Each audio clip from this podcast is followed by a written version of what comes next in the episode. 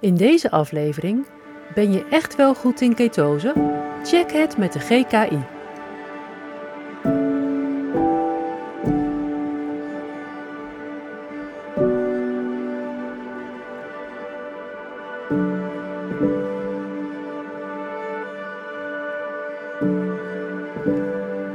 Welkom bij weer een nieuwe aflevering van de Keto Podcast. Vorige maand was ik een week lang in Zwitserland op de conferentie van Keto Live en dat was echt geweldig. Niet alleen heb ik daar heel veel leuke mensen ontmoet, maar ook weer veel geleerd. Zo ook over het onderwerp van vandaag, de GKI. En GKI staat voor Glucose-Ketone-index. En ik kende de GKI al wel, vooral uit literatuur over ketose bij kanker. En nu realiseer ik me dat ook in andere gevallen het belangrijk kan zijn om de GKI te berekenen. Dus niet alleen bij kanker of andere ziektebeelden, maar ook als het gaat om gewichtsverlies of het omdraaien van insulineresistentie of diabetes type 2. Dus vandaar vandaag in de schijnwerper bij de Keto-podcast de glucose-ketone-index. Maar wat is de GKI nu eigenlijk? Het is de ratio tussen glucose en ketonen die je meet in het bloed. Om de GKI te berekenen meet je dus de bloedglucose en je ketonen. En hiervoor kun je alleen de ketonen gemeten in het bloed gebruiken. Ketonenmetingen met urinestrips of ademmeters zijn hiervoor niet geschikt. Nadat je de waardes hebt gemeten, kun je met een simpele formule de GKI uitrekenen. En let even op of je de glucosewaardes in millimol per liter hebt gemeten of in milligram per deciliter. In Nederland wordt altijd gewerkt met millimol per liter en in België en in de Verenigde Staten bijvoorbeeld rekent men in milligram per deciliter. Check dus even met welke waardes jouw glucosemeter werkt en dat kun je aflezen op het schermpje. Om de GKI te berekenen neem je de glucosewaarde in millimol per liter en je ketonenwaarde, die overigens in de hele wereld wordt weergegeven in millimol per liter. Dan deel je de glucosewaarde door de ketonenwaarde en voilà, je hebt je glucose-ketone-index berekend. Dus stel je hebt een glucose van 4,9 millimol per liter en de ketonen meten 1,2 millimol per liter, dan is de GKI 4,08. Werk je met glucose en milligram per deciliter, dan moet je nog een extra stap zetten in de berekening en dat gaat als volgt. Deel je glucosewaarde eerst door 18. Het getal wat daaruit komt deel je vervolgens door je ketonenwaarde en de uitkomst daarvan is je GKI. Ik neem dezelfde waarden als bij het vorige sommetje, maar dan in milligram per deciliter. Glucosewaarde die je gemeten hebt is 88,2 milligram per deciliter. Dat deel je door 18 en daar komt uit 4,9. Dat is dus in feite de waarde in millimol per liter. Het omrekenen tussen millimol per liter en milligram per deciliter is altijd met een factor van 18. De ketonen zijn weer 1,2 millimol per liter en eh, dan deel je dus 4,9 weer door 1,2 en daar komt dan weer 4,08 uit. Het enige stapje extra is dus het delen door 18 en verder is de formule helemaal hetzelfde. Ik ga je zo vertellen wat die GKI-waarde eigenlijk betekent. Vind je het nou ook lastig om steeds te moeten hoofdrekenen? Ook bij mij is hoofdrekenen niet mijn sterkste kant, dus ik gebruik graag een bloedmetertje wat zelf al de GKI automatisch uitrekent en dat is de Keto Mojo. Daarin zit deze functie al ingebouwd en krijg je na het meten van je glucose en je ketonen vanzelf ook de GKI te zien. Het merk GoKeto bijvoorbeeld heeft daar weer een app voor en uh, dus heb je die meter, dan download je gewoon de app. Je voert dan zelf je glucose en je ketonenwaardes in en de app laat je de GKI zien. Je waardes en GKI worden ook bewaard in de app, zodat je het verloop en de tendens van je GKI kunt zien. De ketonenmeter van CareSense Dual kun je koppelen aan de app van SmartLog en ook die kun je zo instellen dat hij je GKI weergeeft. Heb je nou een ander merk ketonenmeter die geen automatische berekening geeft of waar geen app bij hoort, dan kun je toch die app van GoKeto downloaden en gebruiken om je waardes in, uh, in te voeren en bij te houden. Ook als je bijvoorbeeld aparte meters gebruikt voor glucose en ketonen, dan kun je gewoon die app gebruiken. En er zijn misschien nog wel meer merken en meer apps, maar ik ken ze ook niet allemaal. En als jij een ander merk hebt die hetzelfde kan en doet, dan is dat natuurlijk ook helemaal prima. Nou goed, je hebt nu je glucose-ketone-index berekend en nu wil je natuurlijk weten wat het betekent. Nou, over het algemeen zou je kunnen zeggen: hoe lager, hoe beter. Hoewel, als je me al wat langer volgt, dan weet je dat ik context ook heel belangrijk vind.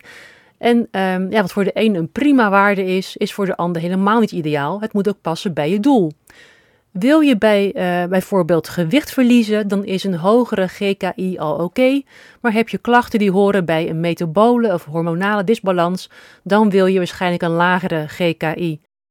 En je wilt nog lager als je een ketogene metabole therapie wilt inzetten bij ziektes als chronische ontstekingen, niet aangeboren hersenletsel, neurologische aandoeningen en kanker. Nou, laten we eens kijken naar de GKI en wat het eigenlijk betekent. Hoger of gelijk dan 9, dat betekent dat je niet in ketose bent. Misschien ben je nog maar net begonnen met een ketogeen voedingspatroon en heeft je lichaam de switch nog niet gemaakt. Um, en zelfs al meet je dan in je urine of in je adem wel ketonen, dan betekent een GKI van 9 of hoger dat je lichaam geen gebruik maakt van die ketonen. Dus hou je ketogene voeding nog even vol tot je verbetering gaat meten, of neem je voeding onder de loep of je koolhydraatinname wel laag genoeg is om in ketose te raken. Je bent wel in ieder geval goed op weg. Heel even voor je beeldvorming. Een gemiddeld westers voedingspatroon zal een GKI van tussen de 50 tot 65 opleveren. En daarbij wordt alleen maar glucose, of voornamelijk glucose, als brandstof gebruikt. Iemand met een hogere mate van insulineresistentie of prediabetes zal ook ongeveer in die range vallen. Uh, en kan zelfs een GKI van rond de 70 bereiken. Maar iemand met diabetes type 2 zal een nog hogere GKI kunnen bereiken van tot wel 80 tot 90. Meet je een GKI tussen de 6 en 9, dan is dit een lichte mate van ketose. En uh, het is ook helemaal oké als je alleen maar wat gewicht wilt verliezen, als je je gewicht op peil wilt houden, uh, je gezondheid wilt verbeteren of wilt behouden, of je gewoon energieker en fitter wilt voelen. En ook voor sporters is het een prima GKI en een goed level van ketose. Je maakt in deze staat gebruik van ketonen en ook in bepaalde mate nog van glucose. En dat staat voor metabole flexibiliteit. En deze GKI-waarde ja, past bij een gezond metabolisme. Meet je een GKI tussen de 3 en 6, dan ben je in gematigde staat van ketose. En dit kun je toepassen bij mensen met diabetes type 2, obesitas, metabolsyndroom, hormonale disbalans en insulineresistentie. En zoals je misschien al gehoord hebt in eerdere podcastafleveringen, zijn er veel symptomen van insulineresistentie. Denk aan huidklachten zoals uh, acne, maar ook vruchtbaarheidsproblemen zoals PCOS of erectiele dysfunctie, hoge bloeddruk, voortdurend moe zijn bijvoorbeeld. En daarbij denk je misschien niet meteen aan insulineresistentie, maar er is zeker een zeer sterk verband. Dus ook in dat geval kun je je dan richten op deze GKI-waarde van tussen de 3 en 6. Een GKI van tussen de 1 en 3, dit wordt therapeutische ketose genoemd en pas je toe bij de behandeling van of de ondersteuning van de, de behandeling bij kanker, neurologische aandoeningen en chronische ontstekingsziektes. Dit vereist een veel strengere en striktere koolhydraatbeperking, maar ook een sterke mate van ketoadaptatie, waarbij het lichaam stap voor stap is overgeschakeld op het benutten van ketonen als brandstof.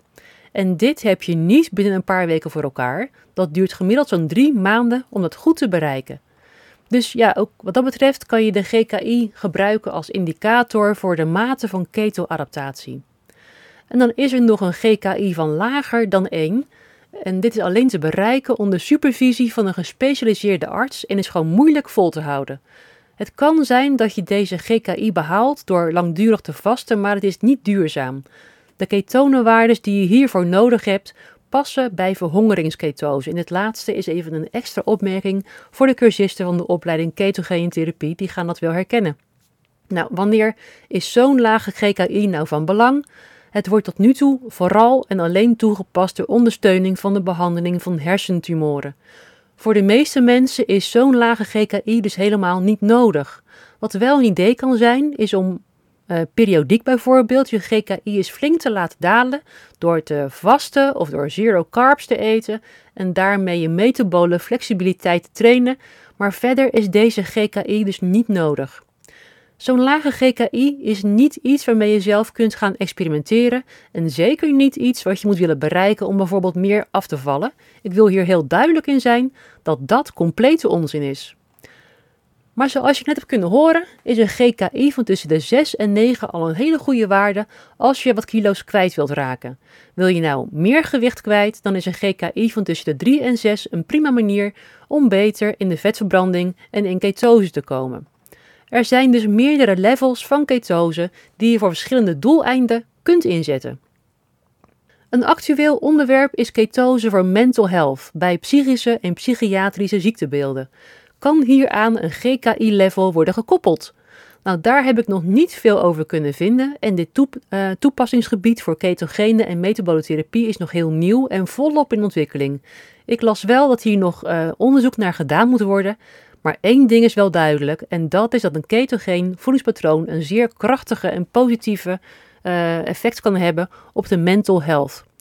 Het is dan ook zeker de moeite waard om daarover bijvoorbeeld uh, Dr. Chris Palmer te volgen of Dr. Georgia Eat, die al eerder in de Keto podcast te gast was. Nou, waarom zou je nou je GKI willen monitoren?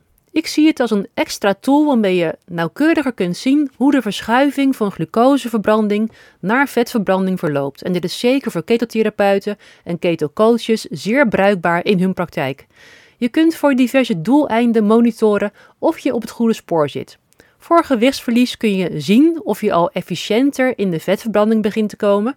En ik wil nogmaals benadrukken dat het in ketose zijn alleen niet voor iedereen voldoende is om al af te gaan vallen. Want de meeste mensen die een ketogeen dieet of ketogene leefstijl gaan volgen, doen dat nog steeds vooral om gewicht te verliezen. Je kunt de GKI ook gebruiken om een bepaald doel te bepalen, bijvoorbeeld bij periodiek vasten. Je kunt een GKI-waarde bepalen als doel en dat proberen te bereiken met een bepaalde tijd van vasten. Dit moet wel een GKI-doel eh, zijn wat bij je past en bij jouw situatie past natuurlijk. Een zo laag mogelijke GKI zonder dat er aanleiding voor is, is meestal overbodig. Bij het inzetten van een ketogeen voedingspatroon als therapie om een bepaald gezondheidsdoel te bereiken, is de GKI een betere indicatie dan alleen maar de ketonenwaardes. Er zijn wel meerdere factoren die de glucose-ketonen-index kunnen beïnvloeden en ik zal je er een paar noemen. Nummer 1. Uiteraard, je voeding. De verhouding van de macronutriënten is van belang om je metabolisme te veranderen en het spreekt voor zich dat het beperken van de koolhydraten hierbij het allerbelangrijkste is. Ten tweede, de hoeveelheid voedsel die je eet tijdens een maaltijd. Probeer eens verschillende maaltijdporties uit en meet welk effect het heeft op je GKI. Ten derde, de totale energieinname per dag. Onafhankelijk van de macro's kan ook dit invloed hebben op je GKI. En we zeggen altijd bij een ketogeen voedingspatroon dat het helemaal niet gaat om de calorieën, maar te veel of te weinig blijkt wel degelijk je GKI te kunnen beïnvloeden. Er wordt vaak gedacht dat je ongelimiteerd vet kunt eten, maar een te hoge vetinname kan je GKI zowel verlagen als verhogen. Leg je GKI naast je voedingsdagboek en naast je doel en naast de situatie en bekijk of je wel op het goede spoor zit. Het is daarmee een hele waardevolle manier om je ketogene voedingspatroon te fine-tunen. Ten vierde, Sporten en bewegen hebben uiteraard ook invloed op de GKI. De intensiteit van de training of van het sporten op jouw lichaam kun je ook terugzien in de GKI. En interessant is, uh, is om dan te gaan bekijken of je training je GKI heeft verhoogd of juist verlaagd. Waar ligt je aerobe anaerobe drempel? Welke intensiteit zorgt ervoor dat je verschuift van vetverbranding naar meer glucoseverbranding? Als je dat nou eens een tijdje bijhoudt, Kijk dan eens wat je daar voor jezelf in kunt ontdekken. Ja, en dan nummer 5, superbelangrijk, stress. Jawel. Ik zie het telkens weer terug uh, hoeveel invloed stress heeft op het metabolisme en welke brandstof er wordt gebruikt in het lichaam. Ook de afgelopen week heb ik weer meerdere malen meegemaakt dat iemand niet goed in de vetverbranding komt en daarmee ook niet goed in ketose door een chronisch stresspatroon terwijl die eh, persoon enorm zijn best doet om de koolhydraten te beperken en zich goed aan de keto-regels te houden. Dit bleek ook afgelopen week weer uit de insuline response test die we hebben gedaan bij een groep mensen. En daarnaast is dus de GKI zeer waardevol om het, omdat het letterlijk laat zien welke brandstof jouw lichaam gebruikt. Bij stress wordt meer glucose verbrand en het kan zijn dat iemand die licht in ketose is, bijvoorbeeld uh, waardes van 0,8 millimol per liter haalt, uh, maar dan toch die sterke positieve effecten waar zo naar uitgekeken wordt, dat die toch uitblijven.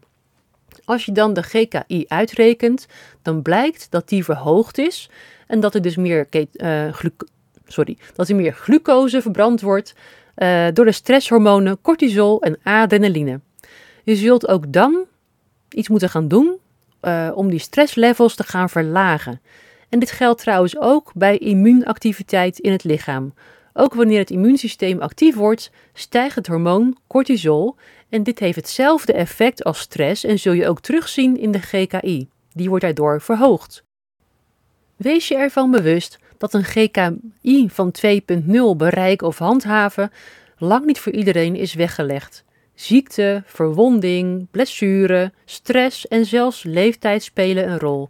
Dus laat je GKI niet een extra stressfactor worden door het onmogelijke na te streven. Een goede ketotherapeut of ketocoach kan je helpen om de juiste stappen hierbij te zetten. Ten zesde, de kwaliteit van slapen. Hoe beter je slaapt, hoe beter je metabolisme werkt. Tekort een nachtje slaap, onrustig slapen, verstoring van je nachtrust heeft allemaal een negatief effect op je gezondheid en ook op je stofwisseling. En ook hier speelt cortisol weer een rol. Je zult je GKI zien stijgen na een nacht slechter slapen en ook hier kun je hopelijk wat aan doen en je kunt ermee aan de slag. Dan punt nummer 7. Het gebruik van MCT-olie en exogene ketonen. Het is natuurlijk logisch dat het innemen van MCT of exogene ketonen je GKI verlaagt. Er zijn dan meer ketonen in het bloed te meten, dus daalt die waarde.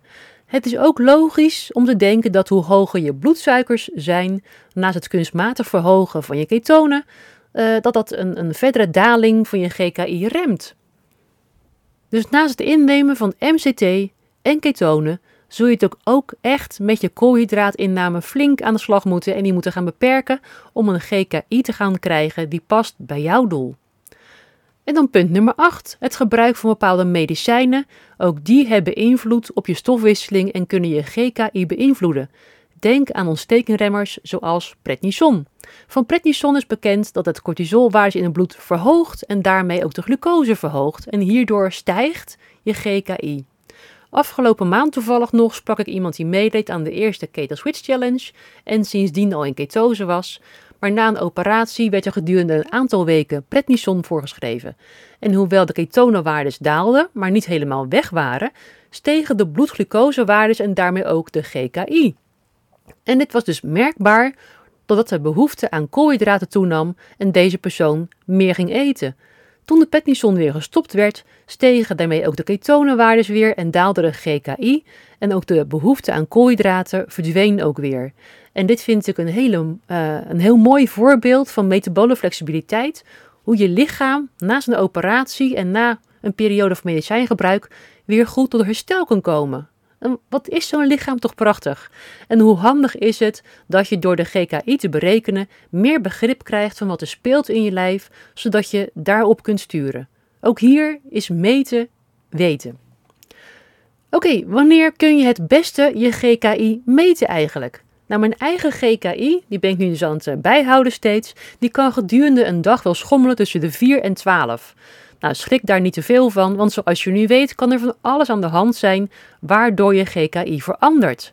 Je kunt uh, natuurlijk ook je best doen om die factoren in de hand te houden met voeding en leefstijl, maar zelfs zoiets als het weer en de luchtdruk kunnen je metabolisme beïnvloeden. Dus gooi het bijltje er niet bij neer als het even niet lukt. Om een heel goed beeld te krijgen uh, van, je, van het verloop, meet je het liefst overdag op steeds hetzelfde tijdstip. Idealiter meet je zo'n 2 tot 3 uur na een maaltijd. Kom niet in de verleiding om ochtends na het opstaan meteen te gaan meten, want dan zijn je ketonenwaarden op zijn laagst. De teststripjes zijn best kostbaar en daarom wil je liever niet testen op een moment dat niet zoveel zin heeft. Afhankelijk van je doel is het niet eens nodig om elke dag te testen. Is je doel een paar kilo's verlichten, dan is 1 à 2 keer per week testen vaak al voldoende. Test dan telkens wel op dezelfde dag en op hetzelfde tijdstip.